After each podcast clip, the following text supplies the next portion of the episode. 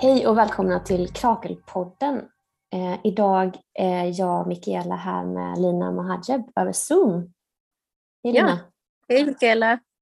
Vi gjorde ju ett avsnitt om abolitionism i december. Jag tror mm. det är nummer 39. Eh, och idag ska vi göra lite av ett uppföljningsavsnitt till det kan man säga. Där vi främst kommer att prata om abolitionism ur ett feministiskt perspektiv Eh, och kort ska vi också säga då, för er som inte har lyssnat på avsnittet från i december så rekommenderar vi såklart att man börjar med det. Eh, bara för att få en liksom, eh, bakgrundsförståelse för vad det är och så. Så gör det om ni inte har gjort det. Men kort kan man säga att abolition eller abolitionism är en global rörelse och den vill skapa ett samhälle som inte har någon militär, ingen polismakt och inget fängelsesystem. Och det är också en rörelse som vill upphäva och motverka de attityder som eh, skapas ur de här kapitalistiska institutionerna. Eh, så fokus idag kommer att vara väldigt mycket på polis, militär och fängelser och också på straff. Och sen så kommer vi såklart också prata om vägen framåt och motstånd och framtid och så. I det här första avsnittet då om abolition så introducerade vi ett eh, begrepp som kommer från eh, organisationen Critical Resistance eh, som är Eh, the PIC, eh, Prison Industrial Complex. Ehm, och ehm, det blir särskilt relevant när vi pratar om abolitionism och feminism ehm, eftersom att det här begreppet då beskriver att eh, när vi pratar om polis och fängelse så behöver vi se de strukturerna som en del av ett större liksom, komplex där staten med dess myndigheter och kapitalet har överlappande intressen att använda övervakning, polisiär kontroll, fängsling eh, som lösningar på ekonomiska, sociala och politiska problem. Och då när vi pratar om abolitionism så absolut att det handlar också om de som sitter inne i fängelse.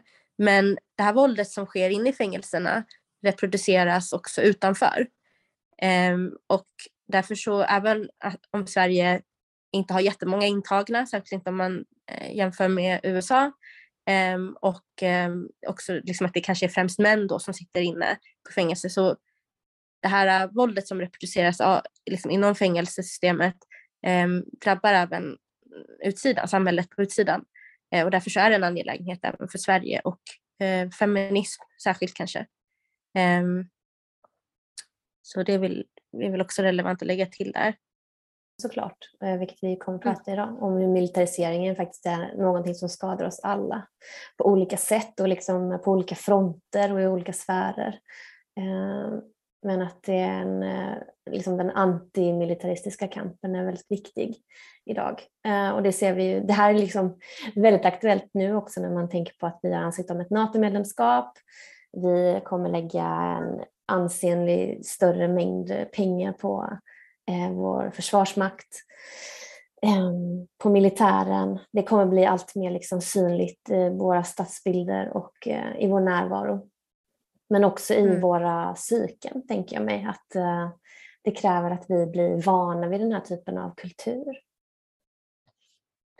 Ja, eh, när vi, när vi eh, tänker kring liksom vilken kultur är det som reproduceras i vårt samhälle eh, så är det ju det som, som eh, gynnar staten och, och kapitalet.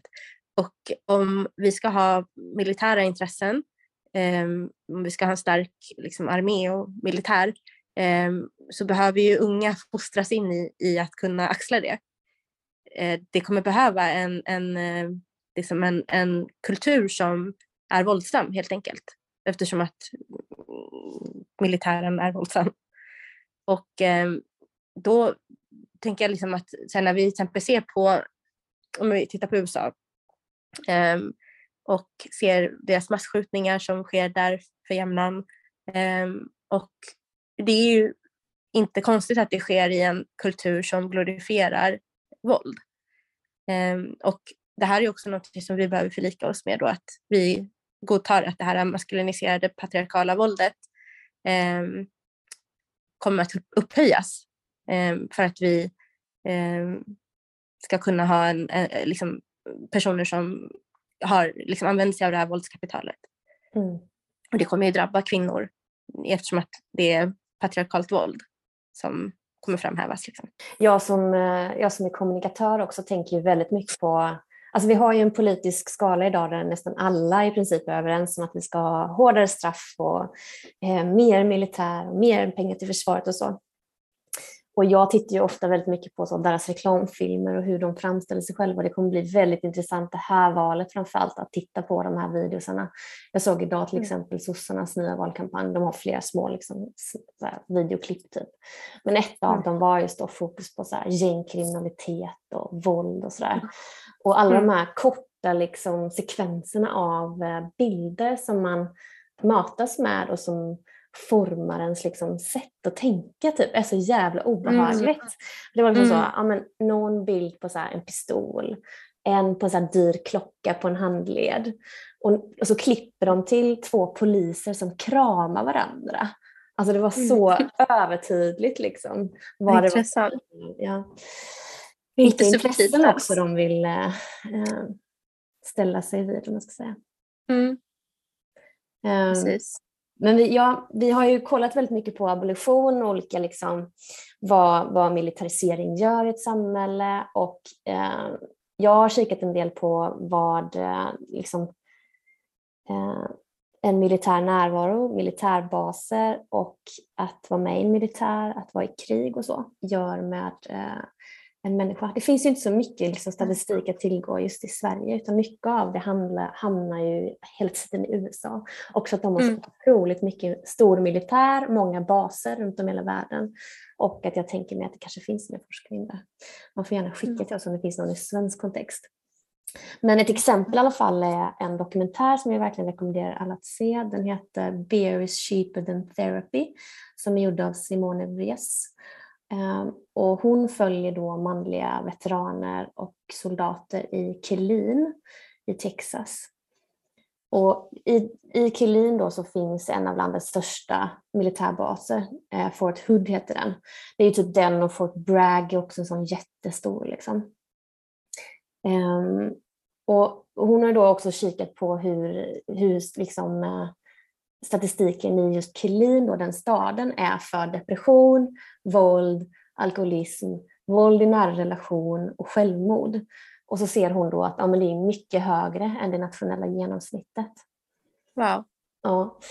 Och det är ju likadant i, på Fort Bragg, vet att de har så eh, nära Fort Bragg ligger också ett fängelse typ och de har så här sjukt överfulla fängelser från folk från Fort Bragg då som begår olika typer av brott. Liksom.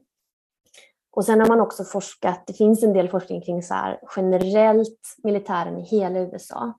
Och då kan man till exempel se att um, manliga veteraner är dubbelt så troliga som manliga icke-veteraner att sitta i fängelse för våldsamt sexualbrott. Mm. Så det finns ju verkligen statistik som underbygger också den här militariseringen och Eh, Ehm, män som tvingas in i militären också, det skapar en våldsam kultur liksom, som sen tas med hem såklart. Mm. Mm. Det får man också tänka på hur ehm, det här med eh, sexköp och eh, just när det kommer till det här med våldsamt sexualiserat eh, våld. Ehm, att även på den liksom, korta tiden som vi hade liksom nu med kriget i Ukraina eh, hade lite amerikanska militärer eh, i Sverige eh, så eh, liksom, hade folk eh, köpt sex under väldigt korta tid. Mm. Alltså, de går alltid hand i hand. Um, det var från något sån här USS Forest Sherman tror jag det hette, det här fartyget som då låg i Stockholm. Det var också så mm. roligt att folk så här, vissa eh, var så glada då över att äntligen ha liksom olika amerikanska fartyg i stadsbilden och i eh, så. Och där kan man ju också se, det, det är ju inte bara, ja, som du säger, det är ju en historisk fråga också hur prostitution och sexköp och militär närvaro, militarisering och också liksom, vad man säga, någon slags kolonial militär har gått hand i hand. Att till exempel som eh, i Marocko, i Casablanca, när man hade en fransk koloni där. Jag vet inte riktigt när detta var exakt. Men då, då startade de upp liksom så massiva bordeller typ och det blev ett sånt red light district där. Och de kvinnorna som bodde i Casablanca fick liksom, eh, ja, de blev liksom prostituerade för de här soldaterna. Och det är ju verkligen inte det enda exemplet utan det, så har det varit på många olika ställen. Jag såg ytterligare en dokumentär häromdagen som handlade om Marshallöarna och Bikini-atollen där de gjorde mycket atombombstestningar och så. Det var ju samma sak där, liksom prostitutionen. Mm. Uh, när det kom mm. militär dit så tvingades kvinnorna in i prostitution. Liksom. Mm. Um, och det kan man ju se då liksom att så här, när kapitalet expanderar och när det gjorde det under kolonialismen också via militären så ledde det också till en explosion av just prostitutionen. Liksom. De går alltid hand i hand. Typ. Och det kan man se så långt mm. tillbaka som på 1400-talet när man läser om kapitalismen. Så att, ja, som mm. säger, de är verkligen eh, helt eh, sammantvinnade typ. Och mm. att den här prostitutionen också är liksom ofta vad ska man säga, eh, pådriven eller kontrollerad av typ staten, kyrkan ibland och militär och polis. Då. Mm. Mm. På vilket sätt? Ja, men som till exempel, eh, det här kanske vi nämnde i förra avsnittet, men det är ju jättebra liksom bara exempel att här, när man införde den svenska moderna poliskåren, det här var väl 1850, 59 tror jag, Eh, deras första uppdrag var ju att eh, reglementera lösaktiga kvinnor på Stockholms gator typ. Och tving, tvinga dem till en besiktningsbyrå. Vilket också då tvingade in kvinnorna i de här, nu har jag glömt vad det heter, men de fick ju den här boken och de blev liksom institutionaliserade som prostituerade. Liksom. Mm. Mm. Mm. Och många gånger var ju också polis, poliserna själva sexköparna. Liksom. Mm. Vilket ju också syntes i den cirkeln som du hade förra året. Eh, mm. Alex. End of policing. Mm. Mm. Visst pratade han också om det? Mm. Det gjorde han. Um, om, uh, jag minns inte exakt vad han sa om, om uh, det här. Jag tror han sa typ att det var så här extremt, ett jag funderar på om inte typ uttryckte att det var en så endemisk eller så här korruption av mm. poliser inom prostitutionen. Typ. Att de mutar mm. prostituerade och själva köper sex. Och, ja. mm. Men då får jag koppla det till det du sa om eh, sexualiserat våld bland militär. Eh, liksom. det, det, blir också en del av den här kulturen av eh, när, när våld hänger ihop med, eller vad ska man säga, sättet som, som militären ser på, eh, om det då är i en koloni till exempel, ser på kvinnorna i kolonin. Det är inte som att det bara blir reserverat för kvinnorna där. Alltså så att det, är också, det är också en, en viktig eh, grupp att, att, engagera sig för, men även om man bara har rent själviska skäl. Um, mm. Att det är en kultur som liksom blir... Uh... Alltså jag tänker att militären i sig är ju en extrem Alltså det är en slags exploaterande institution. Liksom. Mm. Och den skapar ju i sin tur en exploaterande kultur typ, som finns också i de här människorna som tvingas in i militärt tänkande. Liksom. Mm.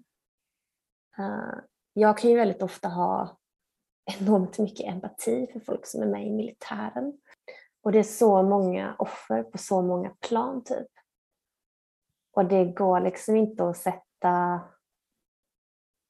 en tydlig gräns mellan så här, vilka som är offer och vilka som är förövare mm. eller vem som har gjort rätt och fel utan det är liksom en kultur och det är ett system och det är en institution som skadar alla som kommer i kontakt med mm. den fast på olika sätt. Liksom. Mm. Den kan skada kvinnan som är hemma och väntar på att mannen ska komma hem från krig. Den kan skada mm. mannen i krig, den skadar den andra personen i krig. Alltså det är liksom, hela leden är liksom bara sån, ett enormt bara lidande hela vägen. Typ. Mm. Uh, vilket, och det är så jävla sorgligt att det är den kulturen vi nu uppmuntras också uh, allt mer tänka liksom, uh, i militariserade termer. Och mm. Mer vakter, mer övervakning, mer straff. Mer lag och ordning. Mm. Det är verkligen en eh, jag bara ser det som en lång, ett långt lidande för alla inblandade. Typ. Att ingen Mm. liksom, det finns knappt några som tjänar på det här, eller vi vet ju vilka som tjänar på det. Det kommer Mm. vi säkert in på ännu mer. Ja. Men man Mm. måste också i den här frågan, tycker jag, vilket jag tycker att abolitionismen gör så väl, och alltså det är en extremt empatisk rörelse och tanke att man ser till alla som lider i någonting och man ser till allas mänsklighet i det. Liksom. Mm. Eh, snarare än att eh, rätta någon eller tillrättavisa någon eller straffa någon utan man ser att så här, eh, men att någon är våldsam just för att den lider. Liksom. Den Mm. lider av någonting från början, det är därifrån våldet kommer. Mm. Och att inte moralisera kring hur eh, symptomen av, av det här som den lider av eh, tar sig uttryck utan om, om vi vill komma till bukt med våld, säger vi, eh, så behöver vi se på de här grundorsakerna och de är alltid kopplade till någonting större strukturellt som den här personen då som kanske utövar våld, där de här personerna eh, befinner sig i. Eh, det handlar inte om den här personens moraliska brist utan det handlar om att den är del av någonting större våldsamt. Mm.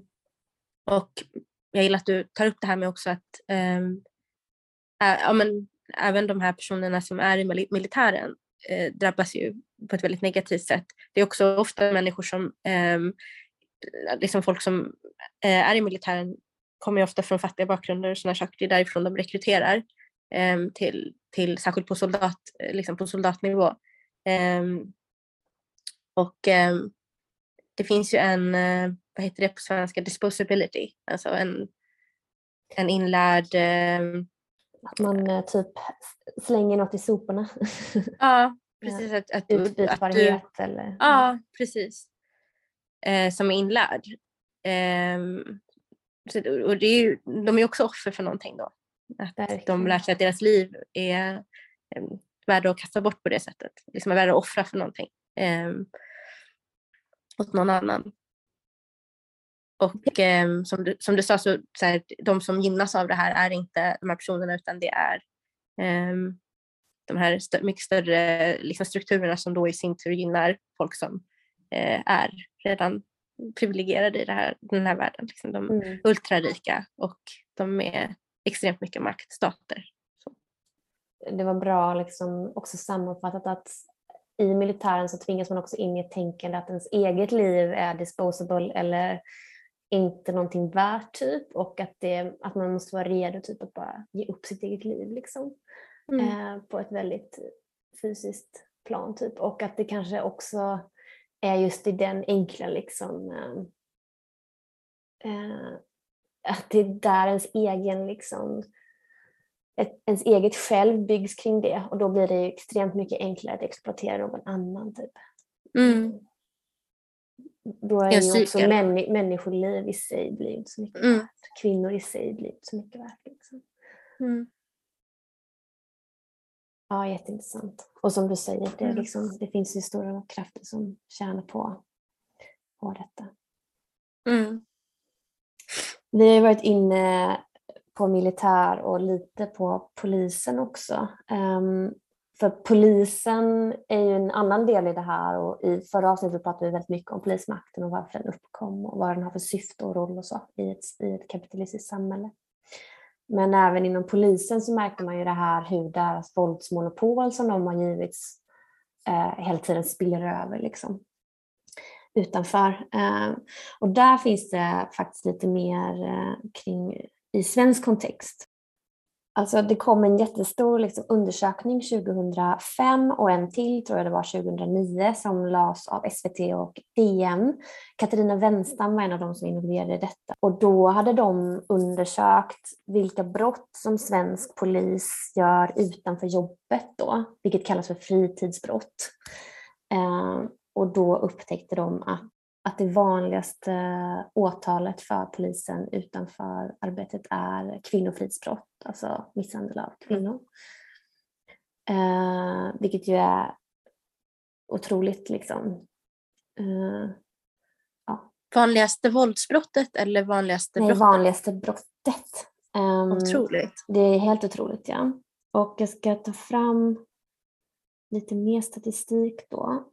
Um, uh, den heter Avdelningen för särskilda utredningar. Uh, där har jag försökt leta lite nu då kring ny statistik kring detta. För det här var ju ändå så här, det här är ju liksom 15, ja, nästan snart 20 år sedan. Liksom. Men jag hittar inte att de har gjort någon sån utredning igen och det var mycket svårare att hitta nu tyckte jag. Nu tror jag också de har gjort om lite de här tårtbitarna. Liksom. Eller det kan vara också så att det som de släpper är en viss tårtbit och sen det som SVT och DN gjorde var att de grävde mer i det, liksom, vilket jag inte har möjlighet att göra tror jag. Mm. Um, men eh, så nu är liksom tårtbiten att så här, tjänstefel är det största brottet eller det mest liksom anmälda, vilket inte är så konstigt. Men det näst mm. vanligaste i den tårtbiten är ändå våldsbrott. Liksom. Och man mm. kan kolla då på, bara för att få en uppfattning också om hur mycket polisen skiljer sig från befolkningen i stort, så kan man ju kolla på de vanligaste brotten hos eh, befolkningen generellt. Liksom. Och det är färsk statistik. Och då är det eh, i fallande ordning stöld, brott mot person, skadegörelse, bedrägerier och övriga. Mm. Så det är mycket typ så mm. ekonomiska mm. brott också. Mm. Väldigt stort. Liksom. Skadegörelse, bedrägerier, stöld. Mm. Uh, men de fem vanligaste brotten hos polis då, 2009, obs är det härifrån. Det var kvinnomisshandel, misshandel, rattfylla, snatteri slash stöld och sen barnporr. What? Så det skiljer sig extremt mycket från liksom gemene man typ eh, vilken typ av brott som poliser begår. Mm. Vilket ju egentligen inte är så förvånande med tanke på allt vi vet kring hur militär och polis påverkar människors liksom, psyken och mm. hur det är liksom våldsmonopolet hela tiden. Man fostras in i ett våldsmonopol och man har våldsmonopol på arbetet åtta timmar om dagen. Liksom. Det vore mm. ju otroligt om det inte spillde över sen. Liksom. Mm. Um. Ja, för, för ja, alltså, vad, eh, vad annars skulle man förklara det med? Liksom, den, eh, den skillnaden. Exakt. Mm. Och det finns också, när jag har skrivit om det här på Instagram så har jag fått jättebra eh, olika DM av folk som liksom är insatta i kvinnojoursarbete och så. Och då är det jättemånga som också har skrivit det att det, man resonerar även så på kvinnojourer i Sverige och mm. i andra länder att man, när man liksom tittar på, man riskbedömer kvinnorna som är utsatta för våld och om hon är med en man som är polis eller militär så tycker man att hon är i en högriskzon. Liksom. Eh, wow. Och är jättestor liksom, riskzon för att bli mördad. Typ. Och det beror på flera olika saker. Jag ska försöka sammanfatta det här. Det här är ju som folk har skickat till mig men eh, det är också för att kvinnorna anmäler väldigt sent, de är rädda för att anmäla. Mm. Eh, polisen... Just för dit man anmäler är ju polisen. Till deras jobb. Deras kollegor deras typ. Ja. Så man använder sent eller inte alls. Um, polisen, poliserna, precis som du säger, kollegorna håller varandra i ryggen. Uh, också polisen, ofta då som, om den är den som är våldsutövare mot kvinnan, vet liksom hur den kan typ manipulera eller kringgå systemet. Mm. Så de är verkligen i en jätteutsatt position de här kvinnorna. Eh, plus kan jag tänka mig då att en person som är van vid att använda våld, det här var också någon som sa det, att en, person som är van vid att använda våld i arbetet har liksom självklart mer nära till våld hemma än någon som inte är van vid det. Alltså det mm. finns också mm. den typen av bedömning man gör. Och där finns det också en rapport vet jag, från en eh, kvinnojour eller liknande i London som heter Center for Women's Justice och de la en sån super complaint, det är någon typ av liksom rapport de skickar in till staten. De la den 2020 uh, som heter just Failure to address police perpetrated domestic abuse och hela den rapporten handlar bara om det. Lite av det jag precis mm. nämnde också, så här, att de, de anmäler, anmäler inte alls, de anmäler inte alls eller anmäler sent, polisen manipulerar och så. Mm. Och att de här kvinnorna är i en jätteutsatt position. Typ. Mm. Mm. Så det är också viktigt att bära med sig när man tänker på abolition och liksom alternativ till polisen som ju inte, vilket vi pratade om i förra avsnittet också, eh, inte är till för så. Den skyddar inte, den förebygger mm. inte brott och den skapar våldsamma individer. Liksom. Jag har verkligen också koppling till eh, det vi pratade om kring militär. Att eh, det ser, liksom, de processerna ser vi redan. Det vi, det vi eh, får då med en utökad militär ännu fler individer som kommer liksom inlemmas i den här våldsamma kulturen eh, på st stor del av deras, deras dagar. Ja, vi kan liksom inte ha ett samhälle nu som vi har som bara går mot så här, mer militarisering, fler poliser, fler resurser till polisen, mer försvarsmakt, mer, ja, du vet, det, den riktningen är så oerhört liksom, destruktiv och förödande för faktiskt också folks säkerhet och trygghet och liv. Typ. Det är så komplext för att alltså, trygghet är ju så subjektivt. Och då när vi lär oss att koppla ihop de här symbolerna eh, med trygghet så upplever vi att vi är tryggare. Mm. Men när man ser till det faktiska, när du, när du tar upp den här statistiken, så här, vad, liksom rent eh, statistiskt liksom, så blir vi inte tryggare. Så hur, ja, det, är, så komplicerat. Så hur, hur, eh, hur dealar vi med det? Helt mm. enkelt? Att, att, att vår känsla av trygghet kan vara så annorlunda från vad som faktiskt sker på grund av den här propagandan. Det kanske hakar i också bra med fängelse då, för det är också en form av trygghet för vissa. Mm. Det är också en sån här symbol. Ja. Eh, för att det är, det är ju, ja, men när, när någon är inlåst bakom mm. liksom, lås och bom så är de ju borta utanför samhället. Då tänker vi att men den, här person, den här personen är ju inlåst som kanske har utövat våld. Då.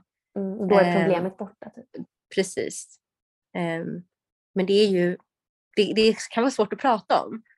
Att, eh, att inte det liksom finns en koppling mellan det och att våld faktiskt minskar i, i samhället.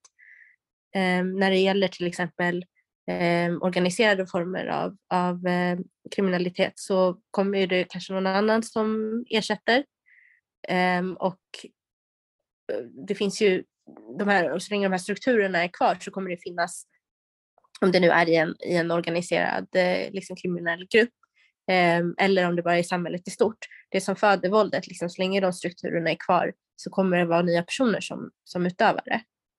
Um, och det finns inte heller liksom beroende på vad det gäller för slags eh, kriminalitet, liksom våldsam kriminalitet mm. så är det inte säkert att en person kommer göra någonting igen. Den har ju, en person har ju blivit inlåst efter att den har gjort någonting. Eller anklagats för att ha gjort någonting. Och eh, det är inte, vi vet ju inte att den personen skulle ha gjort det här igen. Så att, det vet vi inte om, om det faktiskt är så att vi triggar att den är inlåst.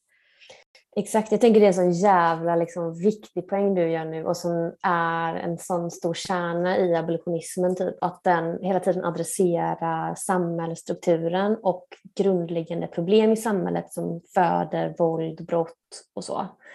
Eh, och det märker man ju också år efter år efter år. Så är så här, I år blev si och så många kvinnor mördade av sina män. Liksom. Men det är ju alltid nya par. Liksom. Det är inte som att mm.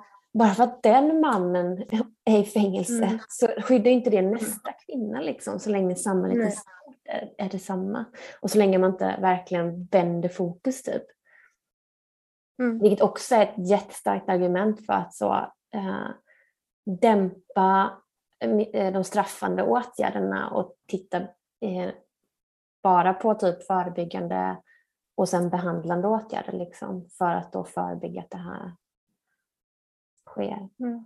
Och det är ju i mäns våld mot kvinnor, men precis som du säger, det är ju allt som sker. Liksom. Man måste ju hela mm. tiden titta till vilken miljö var det som bäddade för det här? Hur kan vi ändra den miljön? Hur kan vi arbeta som ett community? Ja. Mm. Superviktigt. Mm. Jag vill lägga till också ofta när man har de här konversationerna och jag också känner personer som eh, blivit skyddade av att deras, eh, eh liksom den person som utsatt dem eh, på något sätt har separerats eh, från dem. Och det är inte det, det, är inte det jag liksom motsäger, att det är viktigt att separera en person som utsätter någon för våld från personer som de, ja, att det, det kan vara en viktig del att skydda. Men eh, vi har ett system som liksom är mycket större än det här med att man ska skydda den här personen från den personen som den utsätter. Alltså det finns andra sätt att, att hantera det som inte handlar om att vi ska ha ett helt eh, fängelsesystem. Liksom. Mm. det är bra, bra så, ja, men, mm, men så det, är bara, det, är, det är en komplex fråga men det finns också abolitionister jobbar även med, med de frågorna. Så det finns mm. också exempel på um, hur man har utanför ett, liksom, ett uh, statligt sanktionerat här, fängelsesystem har sysslat med uh, separation um, mellan liksom, en person som utsätter någon för våld kroniskt. Liksom. Har du något sånt liksom, minne, något färskt i minnet, något exempel på det? Ja, alltså um, ett exempel som, som uh, kommer upp för mig är, uh, det här var i en anarkistisk miljö uh, av och personer som liksom levde ja, men, mycket överlapp med, eh, liksom, vissa var hemlösa i den här gruppen. Och så. så det är en person som är eh, aktivist, nu har jag glömt hennes efternamn, men Lea heter hon. Ehm, och eh, hon är abolitionist och berättar om hur de som community hjälptes åt för att eh, skydda ehm, henne utan att den här personen nödvändigtvis blev ehm, liksom förhindrad i sin, sin eh, rörelse, förutom i hur det liksom påverkade personen som blivit utsatt av den här personen. Men då när de hade eh, fester och sånt där. Att de liksom hade ett sätt att, att meddela varandra om att den här personen befinner sig på den här platsen. Och liksom, ja, men att som community hjälpte, hjälptes de åt eh, för att eh, hela tiden skapa den här barriären mellan den personen så att den person som hade blivit utsatt av eh, honom mm. Ehm, inte behövde vara i liksom, kontakt. Eh, men så det kräver ju Eh, de typer av lösningar kräver ju eh, mer av, av ett community mm. att, att ingripa.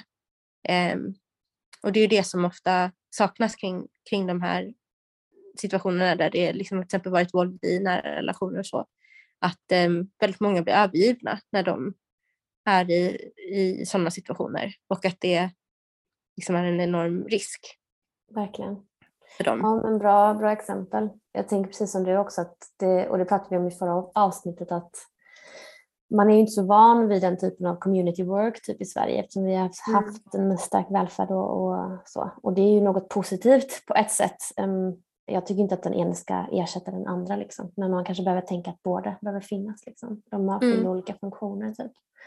Mm. Uh, och som du säger idag, det kvinnorna har att förlita sig på är ibland så här, ja, privatiserade, typ skyddade boenden liksom, som mm. inte lyckas skydda kvinnorna. Mm. Uh, men som du säger kan man också vända på det. Mm, det skulle kunna vara att det är mannen som blir isolerad i ett skyddat boende. Det behöver inte vara ett fängelse. Det kan vara ett boende med andra mm. män till exempel. Där de får mm. behandling och vård och gemenskap och så. Uh, och det kan ju vara långt bort från den här kvinnan. Mm. Eh, som kanske ändå behöver skyddad adress. Liksom. Det, de behöver inte utesluta varandra. Men att man mm. behöver kanske liksom föreställa sig alternativ till fängelse. Typ. Mm. Jag vet också här i Malmö finns det uh, community som jobbar med uh, det, som, det exemplet du hade där var ju att man liksom hittar system för att liksom, uh, skydda kvinnan eller vad man ska säga. här finns också exempel på hur man pratar med förövaren liksom och eh, ställer typ krav på den men också ger den ett community. Alltså så här, du behöver terapi, vi har pratat med offret, den vill inte att du kommer till det här stället, du eh, får den här den här kontakten av oss eh, så att du inte blir ensam isolerad.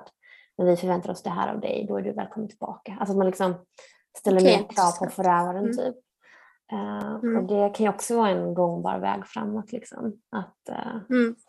att verkligen, men det, som du säger, det kräver ju extremt mycket av individer. Uh, men mm. det kan ju vara väldigt, tänker jag mig, givande och transformerande. Alltså det kanske ändå ändrar någonting i grunden mer. när den här personen då till men... exempel får gå i terapi, den närmsta gemenskap får utbildningar av föreningen Män till exempel eller någonting. Mm. men också sen när vi pratar om att, det, att det kräver mycket. Vi har ju feministiska rörelser som om man hade det här målet. Vi är många liksom som Sant. engagerar oss i det här. Um, och um, om man uh, liksom lägger sina resurser i de här typen av lösningar så skulle vi liksom göra ansatser mot det här hållet. Um, och det, är ju, det är ju såklart i grupp, i kollektiv liksom, som vi, vi kan uh, skapa, uh, skapa de här förändringarna. men ja, jag, jag, tänker på det ibland så när jag ser men hur mycket resurser tar det inte mm. mycket av, av eh, det här brott och straff eh, feministiska som vi gör. Eh, tänk om alla, de resurserna eh, på något som kanske funkar eh, bättre på att förebygga och hindra. Som du säger, rörelsen finns liksom. Man behöver bara mm. Och det finns människor också som eh, jobbar enligt de här målen såklart. Man vill inte dra alla mm, ja, ja. Kam, mm. liksom. Men nej, som du säger finns det en brottsstraff-tänk eh, i samhället som man ändå vill utmana mm. lite grann. Mm. Jag tänkte på, vi kanske egentligen vi ska ta på motstånd alternativ, men det här citatet, eh, så här att en feminism som jobbar mot frigörelse, inte fara och förtvivlan. Att eh, mycket av så feministiskt arbete när det, när det i liksom mainstream feministiskt arbete eh, handlar liksom om att vara fast i, i det här far, fara och då, då, då, hamnar vi i den typ av lösningar som är eh, väldigt bestraffande. För det, mm. det är det vi reagerar på liksom när vi agerar på fara och, och förtvivlan. Men när vi tänker på, liksom, när vi jobbar mot, rör oss mot frigörelse eh, så hamnar vi i mer kreativa och radikala lösningar. Bra poäng. Jag tänker att, eh, som du säger, många fokuserar på faran eller rädslan. Liksom. Och att mm. det nog inte alltid är så um, konstruktivt. Typ. Mm. När man känner sig rädd så fastnar man också lite i vissa föreställningar och idéer och tankar och känslor. Liksom. Rädslan är ju en jättestark känsla. Och att mm. vara fast i den i sin kamp. Liksom. Vad, vem var det som hade sagt det citatet? Jag tror att det kan vara Angela Davis citat. Eh, det kommer i alla fall från en bok som hon eh, har varit med och skrivit. Eh, Abolition Feminism Now. Mm. Som är ett väldigt bra boktips förresten. Den ska jag läsa, jag har inte läst den än. Mm. Jag jag blev ju jätte... Jag tror det var när jag kollade på typ Draknästet någon gång i... Uh, vet du vilket program det är förresten? På SVT? Nej. Det är typ några av Sveriges uh, mångmiljonärer, och, alltså de är kapitalister då, investerare som de kallar dem. De sitter i en sån soffa och så kommer det in folk och presenterar deras pitch liksom, på ett företag till dem. Och sen får de här kapitalisterna slash investerarna välja om de vill gå in då med sina quote unquote privata pengar som de hela tiden säger i programmet. bara, ja. eh, och satsa på det här företaget. Och jag blev jätte... Jag tycker det är ganska roligt att kolla på för det är så här absurt liksom. Bara språket de använder och de här personerna i soffan som är bara Ja. Eh, men då var det någon gång när det kom in två unga tjejer som hade ett företag som heter Rawstraw. De tillverkade några sugrör typ som var av halm eller vad jag vet inte vad. Och då så sa de bara så ah, men vi satt först och gjorde de här hemma själva och så insåg vi att det var jätteineffektivt. Liksom. Så då hörde vi av oss till Samhall och kollade om de kunde göra det billigt. Liksom. Eh, men Samhall tipsade oss vidare till Kriminalvården eh, och sa att de gör handarbete billigt. Eh, och då blev jag ju jätte är det här Sverige liksom? Eh, så vet jag att jag skrev på Instagram och så var det ju många som skrev i DM och även folk som hade suttit liksom eh, och sa bara ja, så är det. Att sitta inne är typ som att lönearbeta fast för skitliten lön och enda skillnaden är att chefen istället är bara kriminalvårdaren liksom, som går omkring typ som en sån serie och bara övervakar ens liksom, legoproduktion. Typ. Um, så då läste jag vidare kring det här och så letade upp kriminalvårdens um, verksamhetsberättelser och sånt. Och då hittar man ju väldigt mycket kring det. Det är ju eh, återigen absurt att läsa om det här för att man märker hur mycket av det som handlar om ekonomi. Obviously är det ju en verksamhetsberättelse men så här, fokus är väldigt mycket på lönsamhet och väldigt lite på typ de intagna. Mm. Um, och då har de också mycket statistik i dem. Och då kan man se till exempel att bara 2-3 procent av tiden i svenska fängelser består av behandling. Det är liksom extremt mm. lite tid. Men arbetsdrift är 35 procent. Mm. man har ju sysselsättningsplikt ju, som du har pratat om i, mm. i fängelse. Man får 13 kronor i timmen tror jag. Man måste göra det annars ses man ju som en arbetsvägrare. Liksom. Eh, och att det mm. kallas ju då krimprod, den här, ja, som är en produktionsverksamhet. Och det står till och med i deras liksom, att de sysslar med typ legoproduktion. Liksom. Eh, så att intagna blir ju arbetskraft åt olika privata företag som förlägger sin ofta så här, tillverkning eller logistik eller eh, förpackning eller sådär i fängelserna. Jag vet att till exempel folk nämnde att de hade satt ihop IKEA-möbler det var någon, någon, något ställe i Bromma tror jag som hade fått in grejer från Kicks. De skulle paketera. Eh, Brio. Eh, Light My Fire var ett annat företag. det var också så små företag, något på Österlen som typ tillverkade sin egna saft eller någonting. Alltså det finns liksom allt möjligt, lägger det mm. i fängelser då. Mm. vilket också är en sån tydlig vidrig bild av eh, att även i en, på en sån plats som ett fängelse där man har man har någon twisted idé ändå att så här, ja, men man, man blir ju typ straffad men man ska också få lite vård liksom, för man ska komma ut och typ så här, ha lärt sig någonting. Men det man gör är typ så här, att jobba åt kapitalet. Liksom. Mm. Eh, och att det är det som för många, det, det är det som är huvudsakliga syftet. Typ. Tycker jag är ett konkret bevis på att fängelse inte heller kan bryta sådana här våldsspiraler eller läka liksom psykologiska men eller mm. så, utan äh, människor typ är där och lönearbetar till minimo, mm. minimilön. Liksom. Mm. Äh, och hur det hade kunnat vara helt annorlunda om vi inte hade den typen av fängelsesystem. Um, det här som du pratar om, om att det inte är en läkande miljö, tänker också kring så när vi pratar om, för det, det finns ju också Ehm, kvinnor som sitter inne på de här eh, fängelserna och även män har ju trauman med sig. Men att eh, då liksom när vi eh, pratar om våld mot kvinnor i alla fall och ser på de här institutionerna där kvinnor blir inlåsta mot sin vilja. Ehm, vi har saker som ehm, tvångs... Eh, vad heter det? Ja, men till exempel så här, övervakade kiss, kissprov där du behöver vara helt avklädd. Um, och um, också så här, kroppsvisitationer där personal på fängelsen ska känna på dina bröst, på dina innerlår.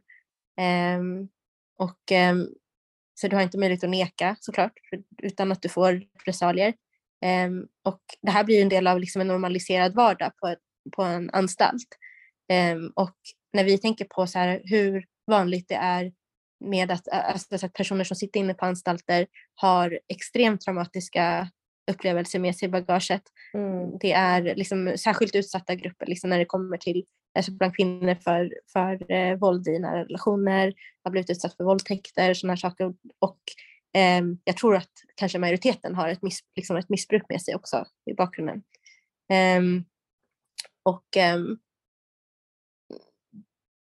när vi då pratar om att fängelser, eller jag vet inte om, om man fortfarande har den illusionen om att fängelser skulle vara en läkande miljö. Eh, men det, liksom, det har inte den eh, kapaciteten helt enkelt. Mm. Så, så, att det blir ju liksom ett, snarare så att, att det blir en våldsam institution i sig, alltså något som, som eh, traumatiserar på nytt.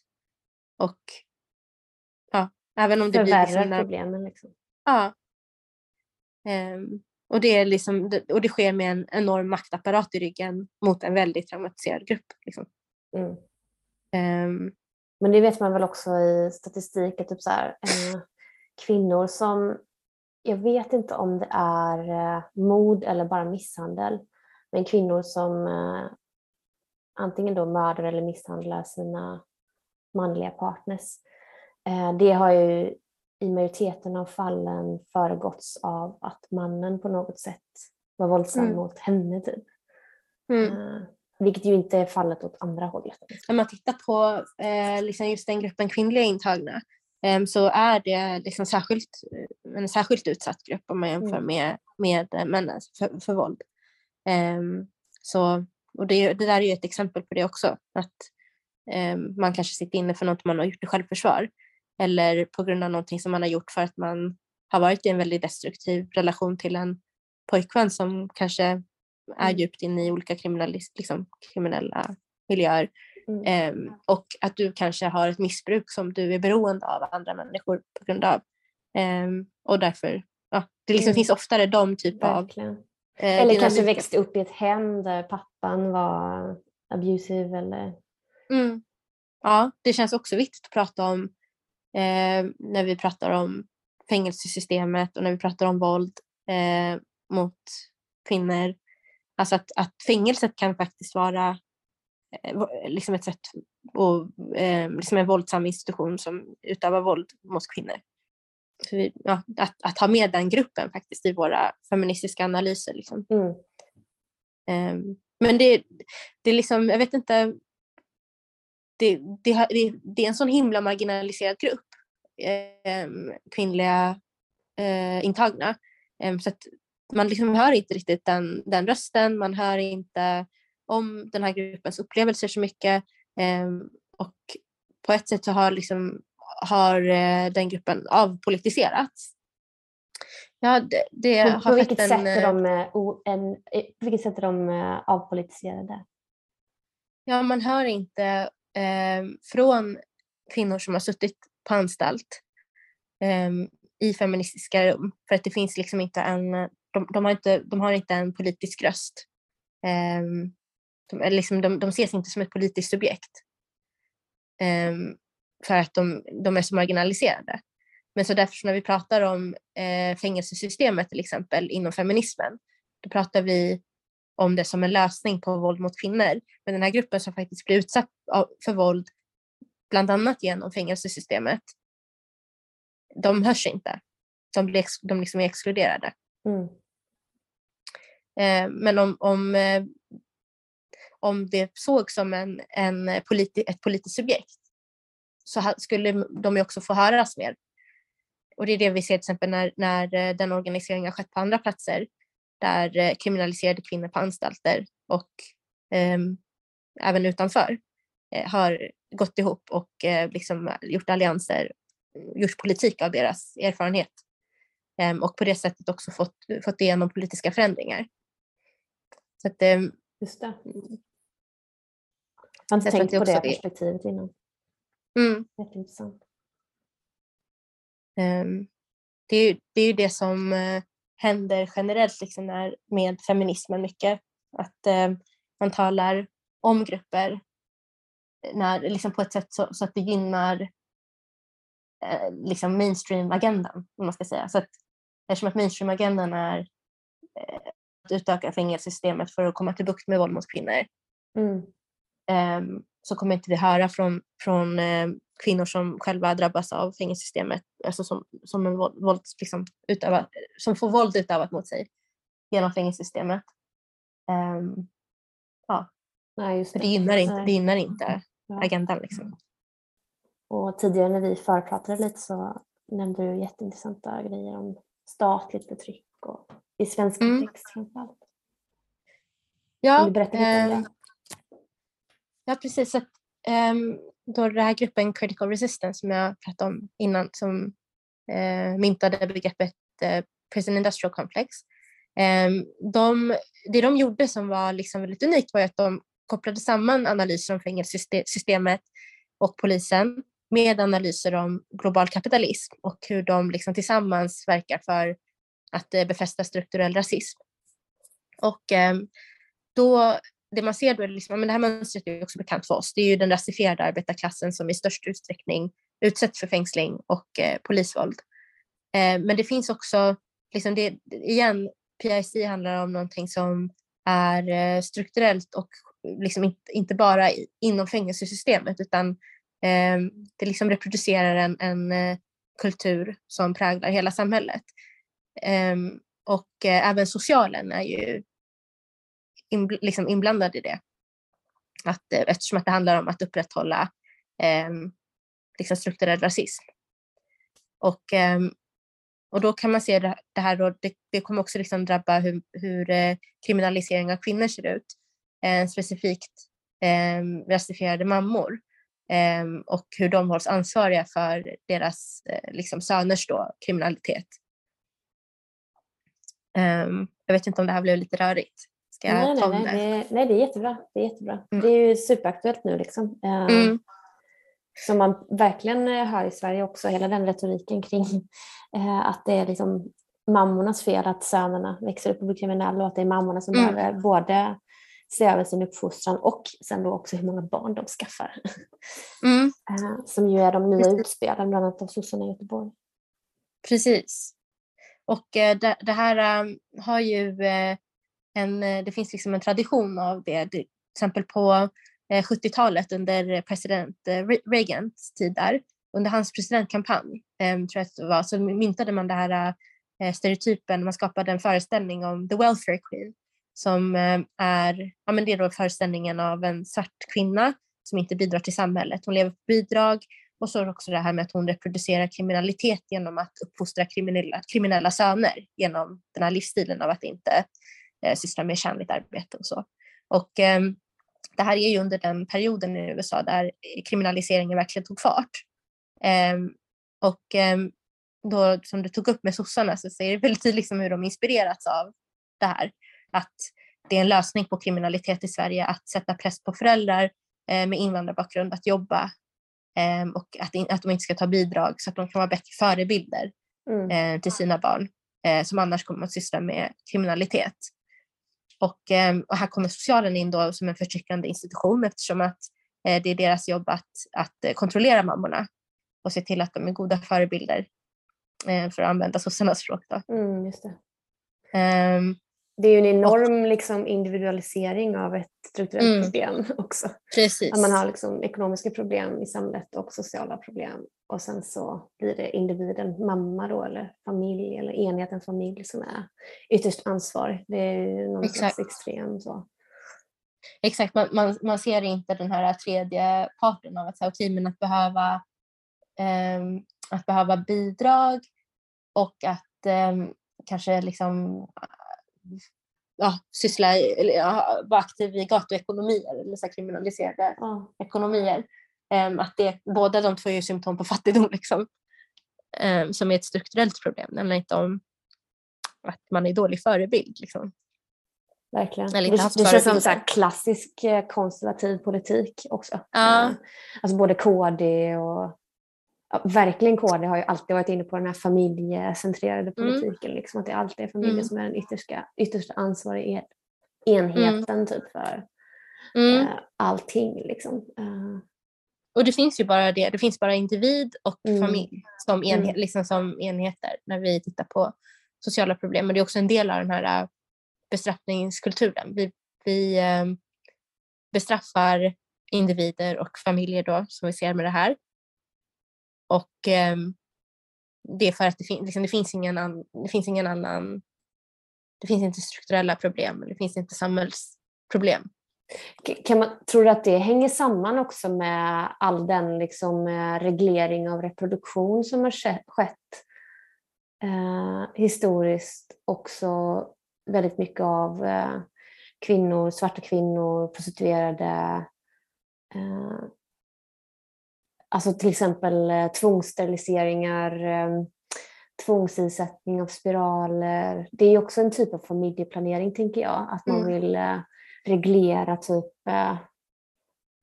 ras liksom. Eller, mm. Uh, mm. Och det kan man ju ja. se i många så här, jag läste nyligen en artikel om, ett, om Danmark och Grönland, att när Danmark minns jag inte årtionde, kan det ha varit typ 60-tal kanske? Det var ganska nyligen i tid i alla fall, 60-70-tal, att de hade så här i sitt moderniseringsprojekt då eh, tvångsisatt spiraler på grönländska kvinnor liksom, så att de inte Mm. utan deras vetskap dessutom. Så att de eh, Mm. fick reda på det här när de sen gick då till en gynekolog och bara jag kan inte få barn. Vad beror det på? Och bara, du har en spiral insatt. Liksom. Och det här var massa, massa kvinnor som, eh, som då aldrig eh, fick rep- reproducera. Liksom. Eh, Mm. Och det var ju en, ett led i en reproduktions, eller förlåt, i en moderniseringskampanj typ. Mm. Eh, Vilket känns närliggande det här. Gud, ja. När man, ja. Det, det tror jag definitivt att det är. Det är, liksom, det är samma grej eh, men, men eftersom att vi, liksom vår, ja, men vårt samhälle förändras så är det vissa grejer som inte blir acceptabla längre Mm. och eh, då tar det uttryck på ett annat sätt. Ehm, men eh, även att tvångsomhänderta barn är ju en sån, alltså att splittra familjer på det sättet.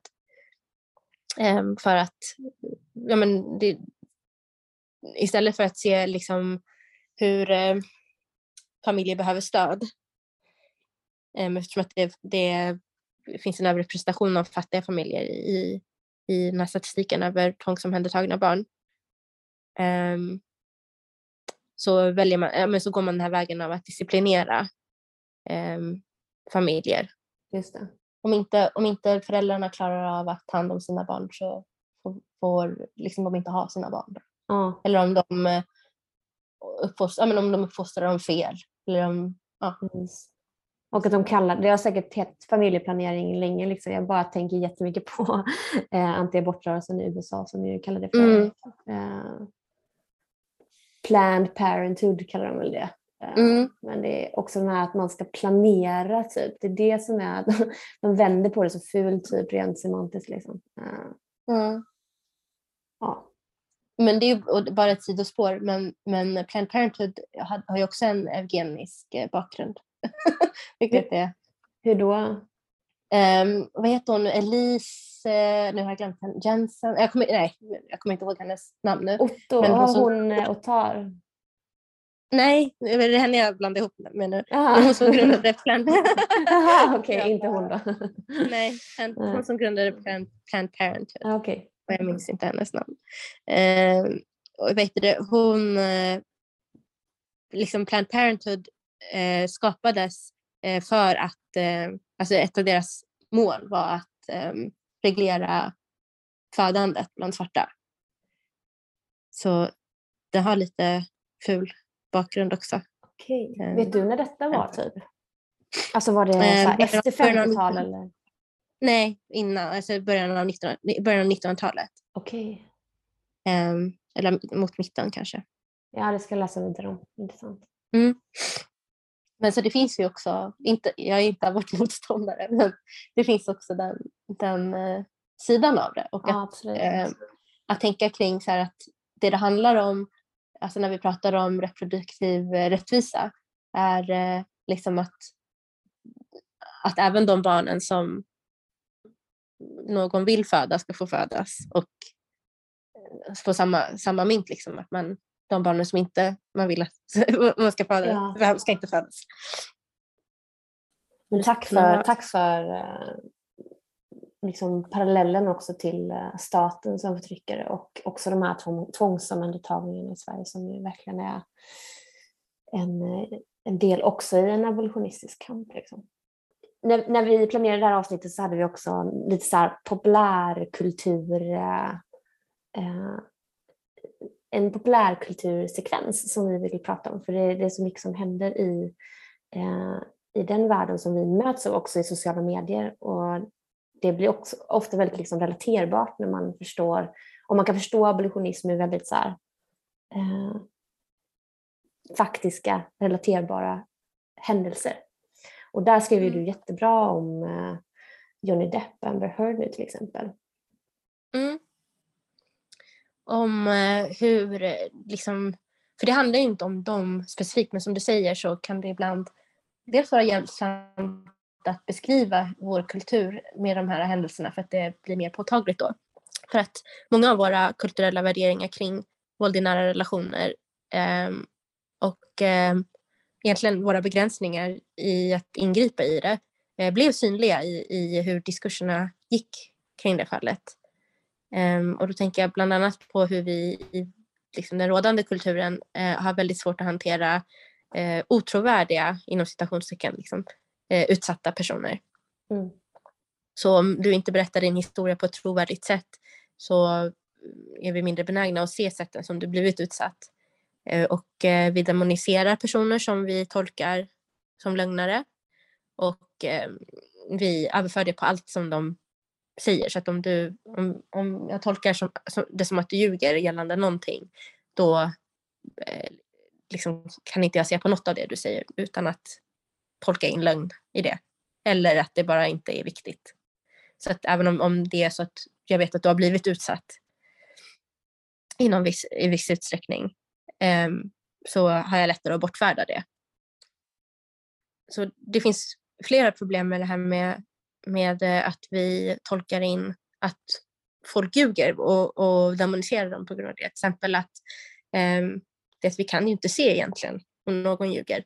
Eh, särskilt inte en person som du inte känner. Och det finns fall där eh, autistiska personer till exempel har dömts för brott eftersom att de eh, inte har kommunicerat på ett sätt som anses trovärdigt. Eh, och personer med djupa trauman kan också kanske de kanske också har olika personlighetssyndrom, kan också tolkas som lögnare i högre utsträckning. Um, och uh, vi har också vår egen bias kring vilka som vi tycker är trovärdiga och inte. Och um, det, det blir ett stort problem när det kommer till uh, våld i nära relationer eftersom att det sällan finns perfekta offer som blir utsatta. Precis som alla andra så kan folk som blir utsatta för våld vara problematiska på olika sätt. De kan vara lögnare till exempel.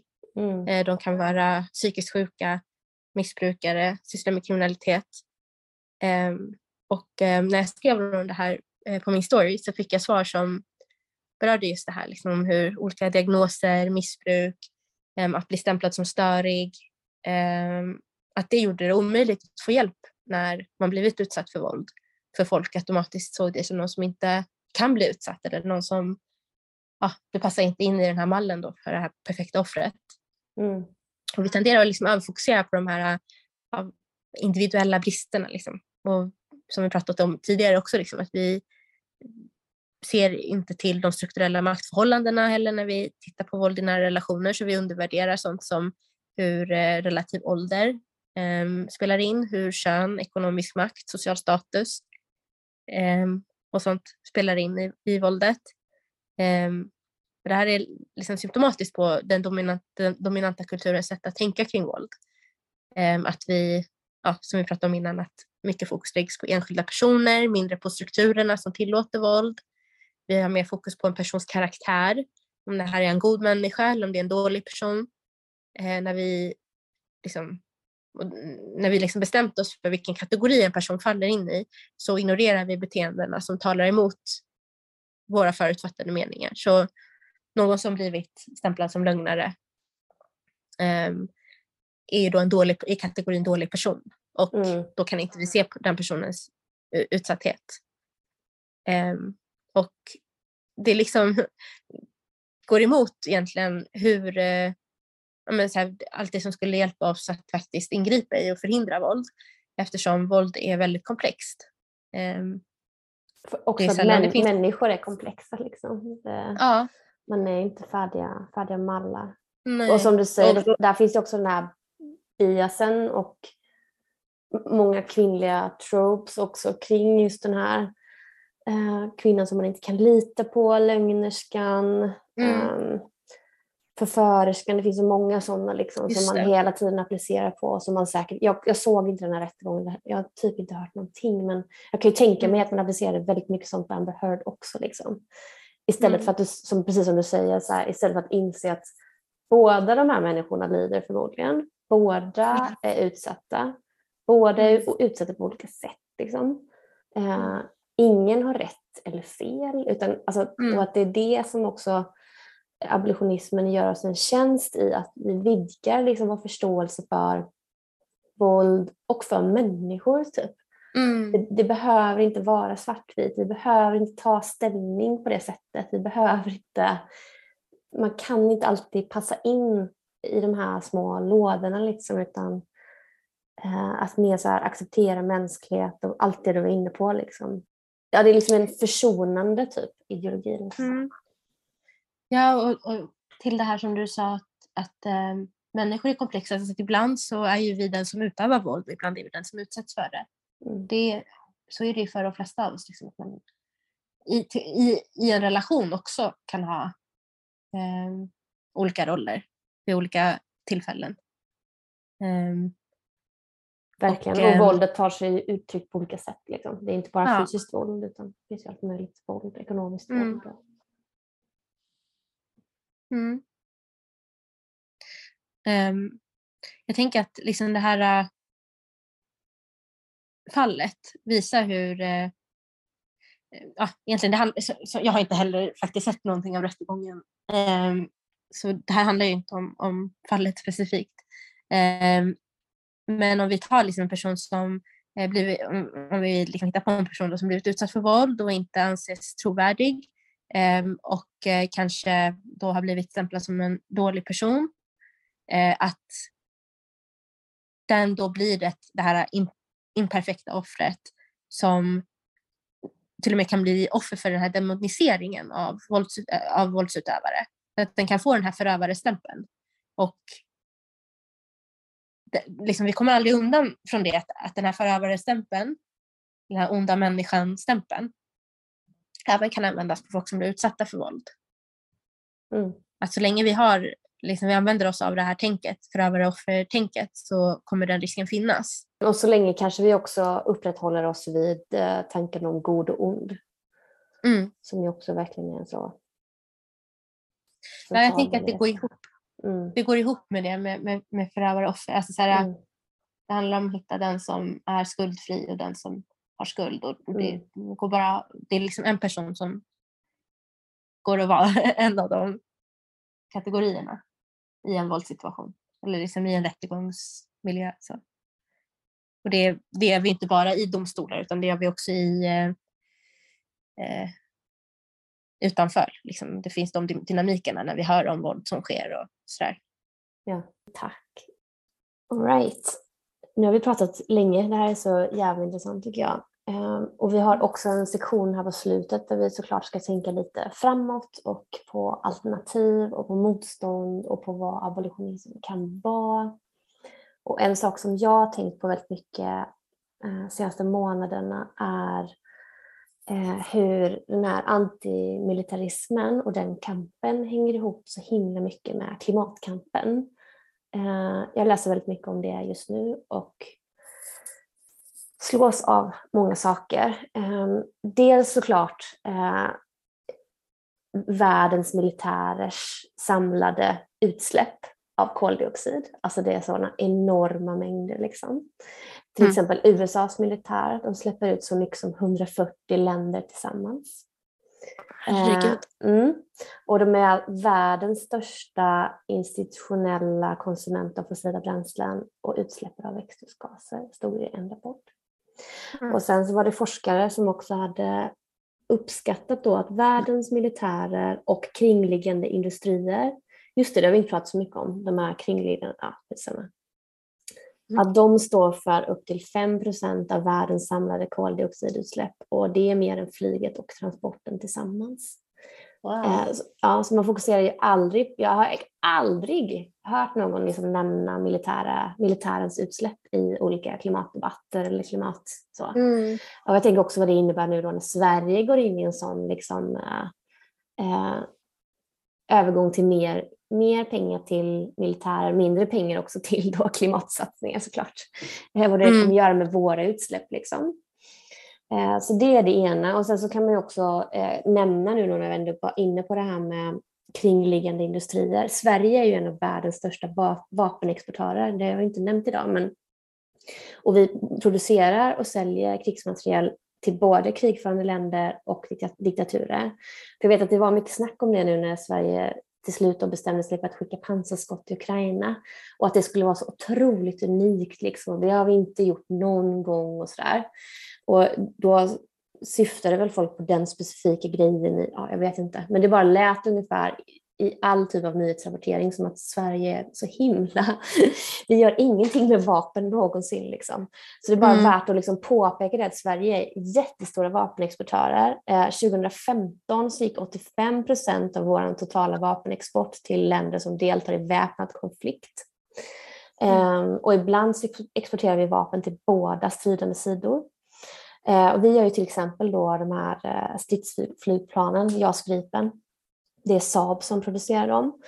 Eh, vi gör ammunitioner, kanoner, sprängämnen. Saab då, JAS Gripen, företaget. Deras största ägare är familjen Wallenberg. Alltså, det Wallenberg liksom. Mm. Och de delar ut massa, massa miljoner till sina aktieägare, aktieägare genom att exportera så här mycket vapen. Uh, och att jag tänker också att det hänger ihop så mycket med den här militariseringen, vapenexporten och ökad militär närvaro och uh, väpnad konflikt, strid, krig. Alltså det, det är så sammantvinnat uh, mm. och upprätthåller kapitalet så oerhört starkt, liksom, hela den rulliansen typ.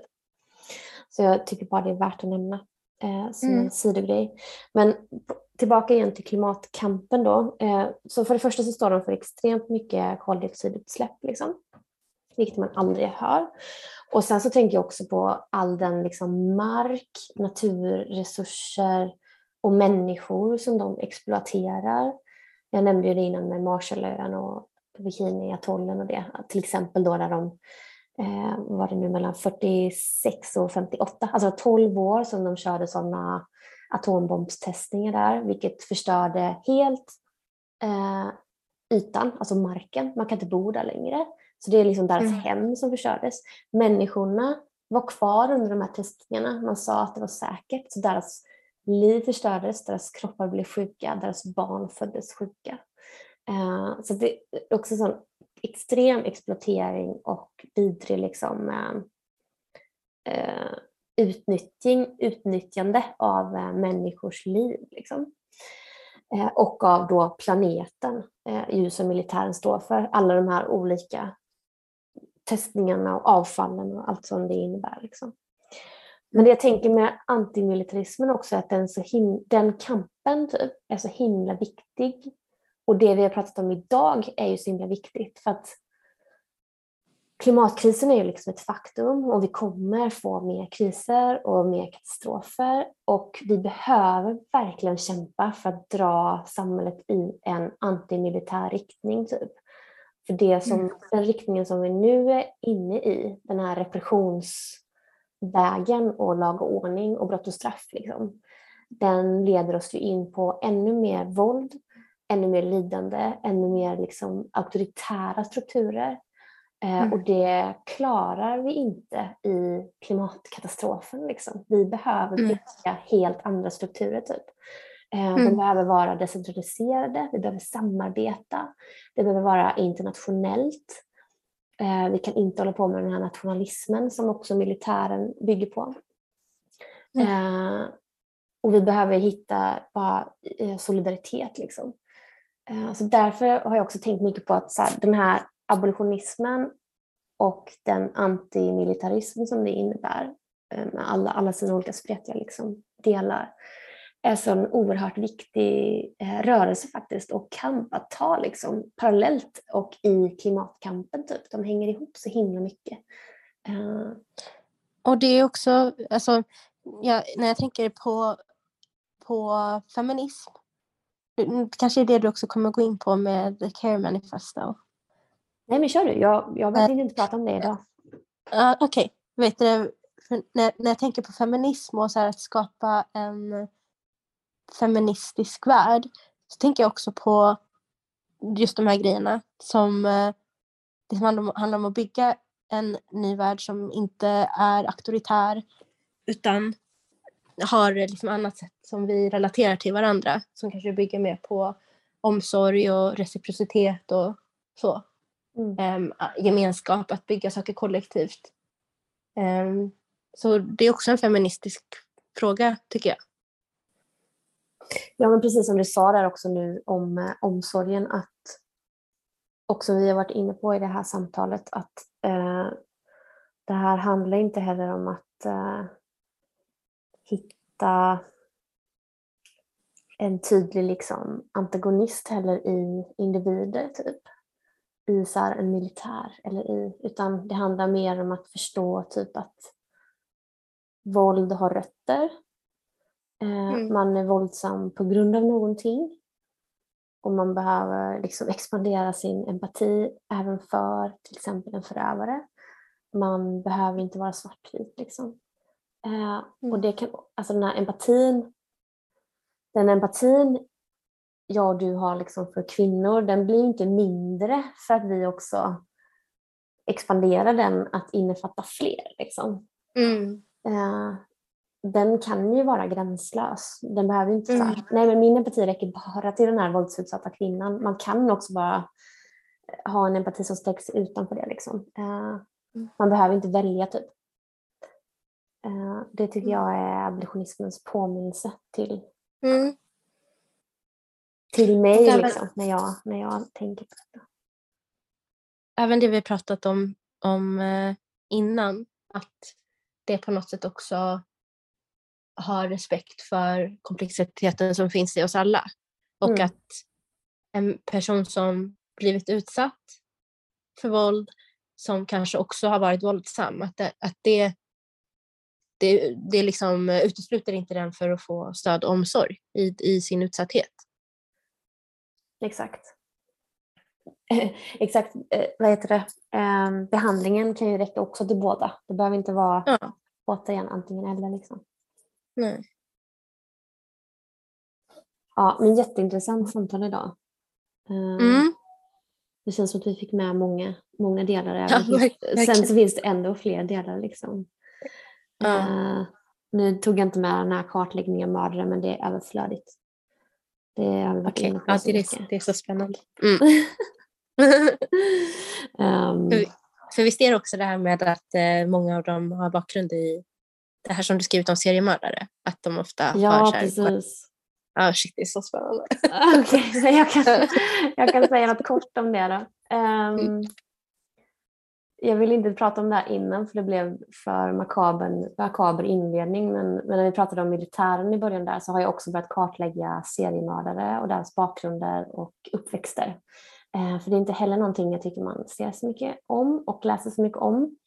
Ehm, och när jag har börjat göra detta så insåg jag ju väldigt snabbt att väldigt många av de här seriemördarna hade ju eh, bakgrunder inom eh, militär och polis.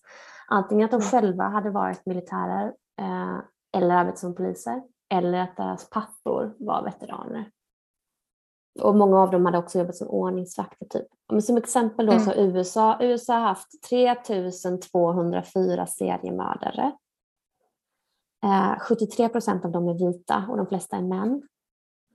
Eh, och USA har ju visserligen många miljoner invånare, men näst flest seriemördare har England. Vill du typ gissa hur många England har om USA hade 3204? Eh, 100. Ja, 166. Okay. och statistiken och då, i Kina... då gick jag verkligen lågt.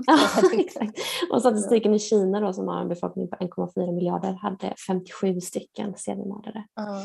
Och då finns det vissa sidor emot det, men det är säkert bara för att Kina inte um, registrerar det eller har liksom statistik för det. Men jag uh. såg också en dokumentär nu på Netflix som heter Raincoat Killer. Och det handlar om Koreas första seriemördare. Det här var på början av 2000-talet. Första seriemördare. Mm. Eh, och då blev jag helt chockad för då gjorde man en sån analys. Liksom. Eh, att man eh, gjorde en politisk analys helt enkelt av fenomenet seriemördare eh, och kopplade samman det jättetydligt med kapitalismen.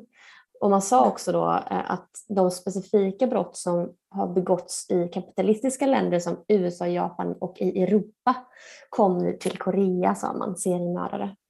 Ah. Och så drog de liksom en så här, ja men Korea hade en djup kapitalistisk kris under tidigt 2000-tal och en drastisk ökning av misshandelsfall och trafficking till exempel. Och den här mm. personen då, Joe, när jag läste om han eh, som var Koreas första seriemördare så ja, hans pappa var krigsveteran från Vietnam eh, och eh, det liksom vapen han använde för att mörda folk var också det vapen som sonen sen då använde. Så man ser så sjukt tydligt typ att dels handlar det om kapitalismens materiella villkor, typ, om fattigdom ibland och om eh, missförhållanden eh, och om en kapitalistisk kultur eller vad man ska kalla det. Mm. Eh, och sen så handlar det också om vad vi bär med oss från uppväxt och eh, emotionell försummelse är också jättevanligt. Liksom. Mm. Eh, men ja, jättemycket krigsveteraner och jättemycket polis, ordningsvakter. Joseph James DeAngelo är också en sån jättekänd i USA, uh, Golden State Killer. Hans pappa var krigsveteran, um, soldat i USAs armé och Joseph var utsatt för en massa, massa övergrepp som barn då, pappan. Uh, Joseph sen då blev polis och det var då han började med sina brott och kidnappningar och mord och våldtäkter. Han blev en av USAs, mm. han är en av USAs värsta brottslingar. Liksom. Mm. Så att, eh, serienördare, där saknar jag verkligen så marxistiska perspektiv på eh, mm. och materialistiska perspektiv på hur det kommer sig. Eh, mm. Så jag uppskattar den. Om ni har. mm. Eh, det är jätteintressant. läsa. Ja. Um, men ska vi, ska vi hålla i den sjukt tunga avslutningen? Vi har väl lite tips kanske att skicka med. Har du läst någonting eller sett någonting det senaste du vill? Ja, um, Abolition Feminism Now en bok av eh, bland annat Angela Davis mm. som är väldigt bra. Um, den rekommenderar jag. Och um, du hade också några tips, eller hur? Ja, jag har dels en intervju på arbetaren.se med William C. Anderson som, handlar, som heter Staten bär på allt vi kämpar mot. Rekommenderad fin läsning mm. också om abolitionism. Eh, mm. och sen så har jag eh, precis beställt senaste numret av eh, Mana. Ja, tidskriften, för de har ju gjort mm. ett nummer nu om abolition. Så den vill jag jättegärna läsa, jag har inte läst den än men jag mm. kan tänka mig att det är superintressant. Och sen så mm. har jag några tips från en person jag precis hittade som heter Jackie Wang. Jag har faktiskt inte läst någonting än men de finns som pdf -er. Jag kan jättegärna, jag skickar med det här i uh, poddbeskrivningen. De heter mm. Carceral, Carceral Capitalism, en av böckerna. Mm. Uh, och hon skriver jättemycket om uh, fängelsesystem och uh, abolition och så. Så mm. utan, att, utan att ha läst det så tipsar jag ändå om det. Uh, jag har skummat lite och hon verkar vara otroligt uh, duktig och uh, mm. skriver bra. Ja, det här är en sån, jag har för mig, om inte jag blandar ihop, det här är en sån här viktig grundtext typ när det, kom, när det kommer till att tänka kring så här carceral, carcerality, typ mm. som struktur eller så konst, konstruktion. Typ. Um, så det är ett jättebra tips. Har du läst den? Eller? Ehm, jag har inte läst inte, jag, har, jag, vet att jag inte har läst hela boken, men jag, jag eh, tror att jag har läst delar av den. Men jag minns inte exakt um, om jag blandar ihop det med något annat. Men uh, om det är den boken jag tänker på så är den väldigt uh, viktig för att förklara, förklara vad, vad man menar när man pratar om carcerality, typ så här, mm. som, uh, som struktur. Eller, mm. Jag ska läsa den. Jag tror att hennes sista kapitel i mm. den boken heter också Imagining Abolitionist Futures eller någonting. Om hur vi mm. kan föreställa oss en annan värld. Uh, hon, hon, skriver även lite poesi tror jag. Så att den, mm. den verkar väldigt hoppingivande och bra. Mm. Den ska jag mm. försöka läsa i sommar kanske. Mm. Men uh, vi tackar väl för uh, detta avsnittet. Och ni ja. som lyssnat. Ni får gärna skriva eh, till oss också såklart om ni har frågor eller vill eh, komplettera med saker eller skicka tips och så. Så jättegärna tar vi mm. emot det. Eh, min Instagram är hej Mikaela med CH. Yes, min, min Instagram är avkolonisera mera. Mm. Så hör av er om det är någonting och ni når oss ju också via Kraken såklart. Eh, mm. Tack för idag Lina, fint att prata med dig. Ja, detsamma. Vi hörs. Det gör vi.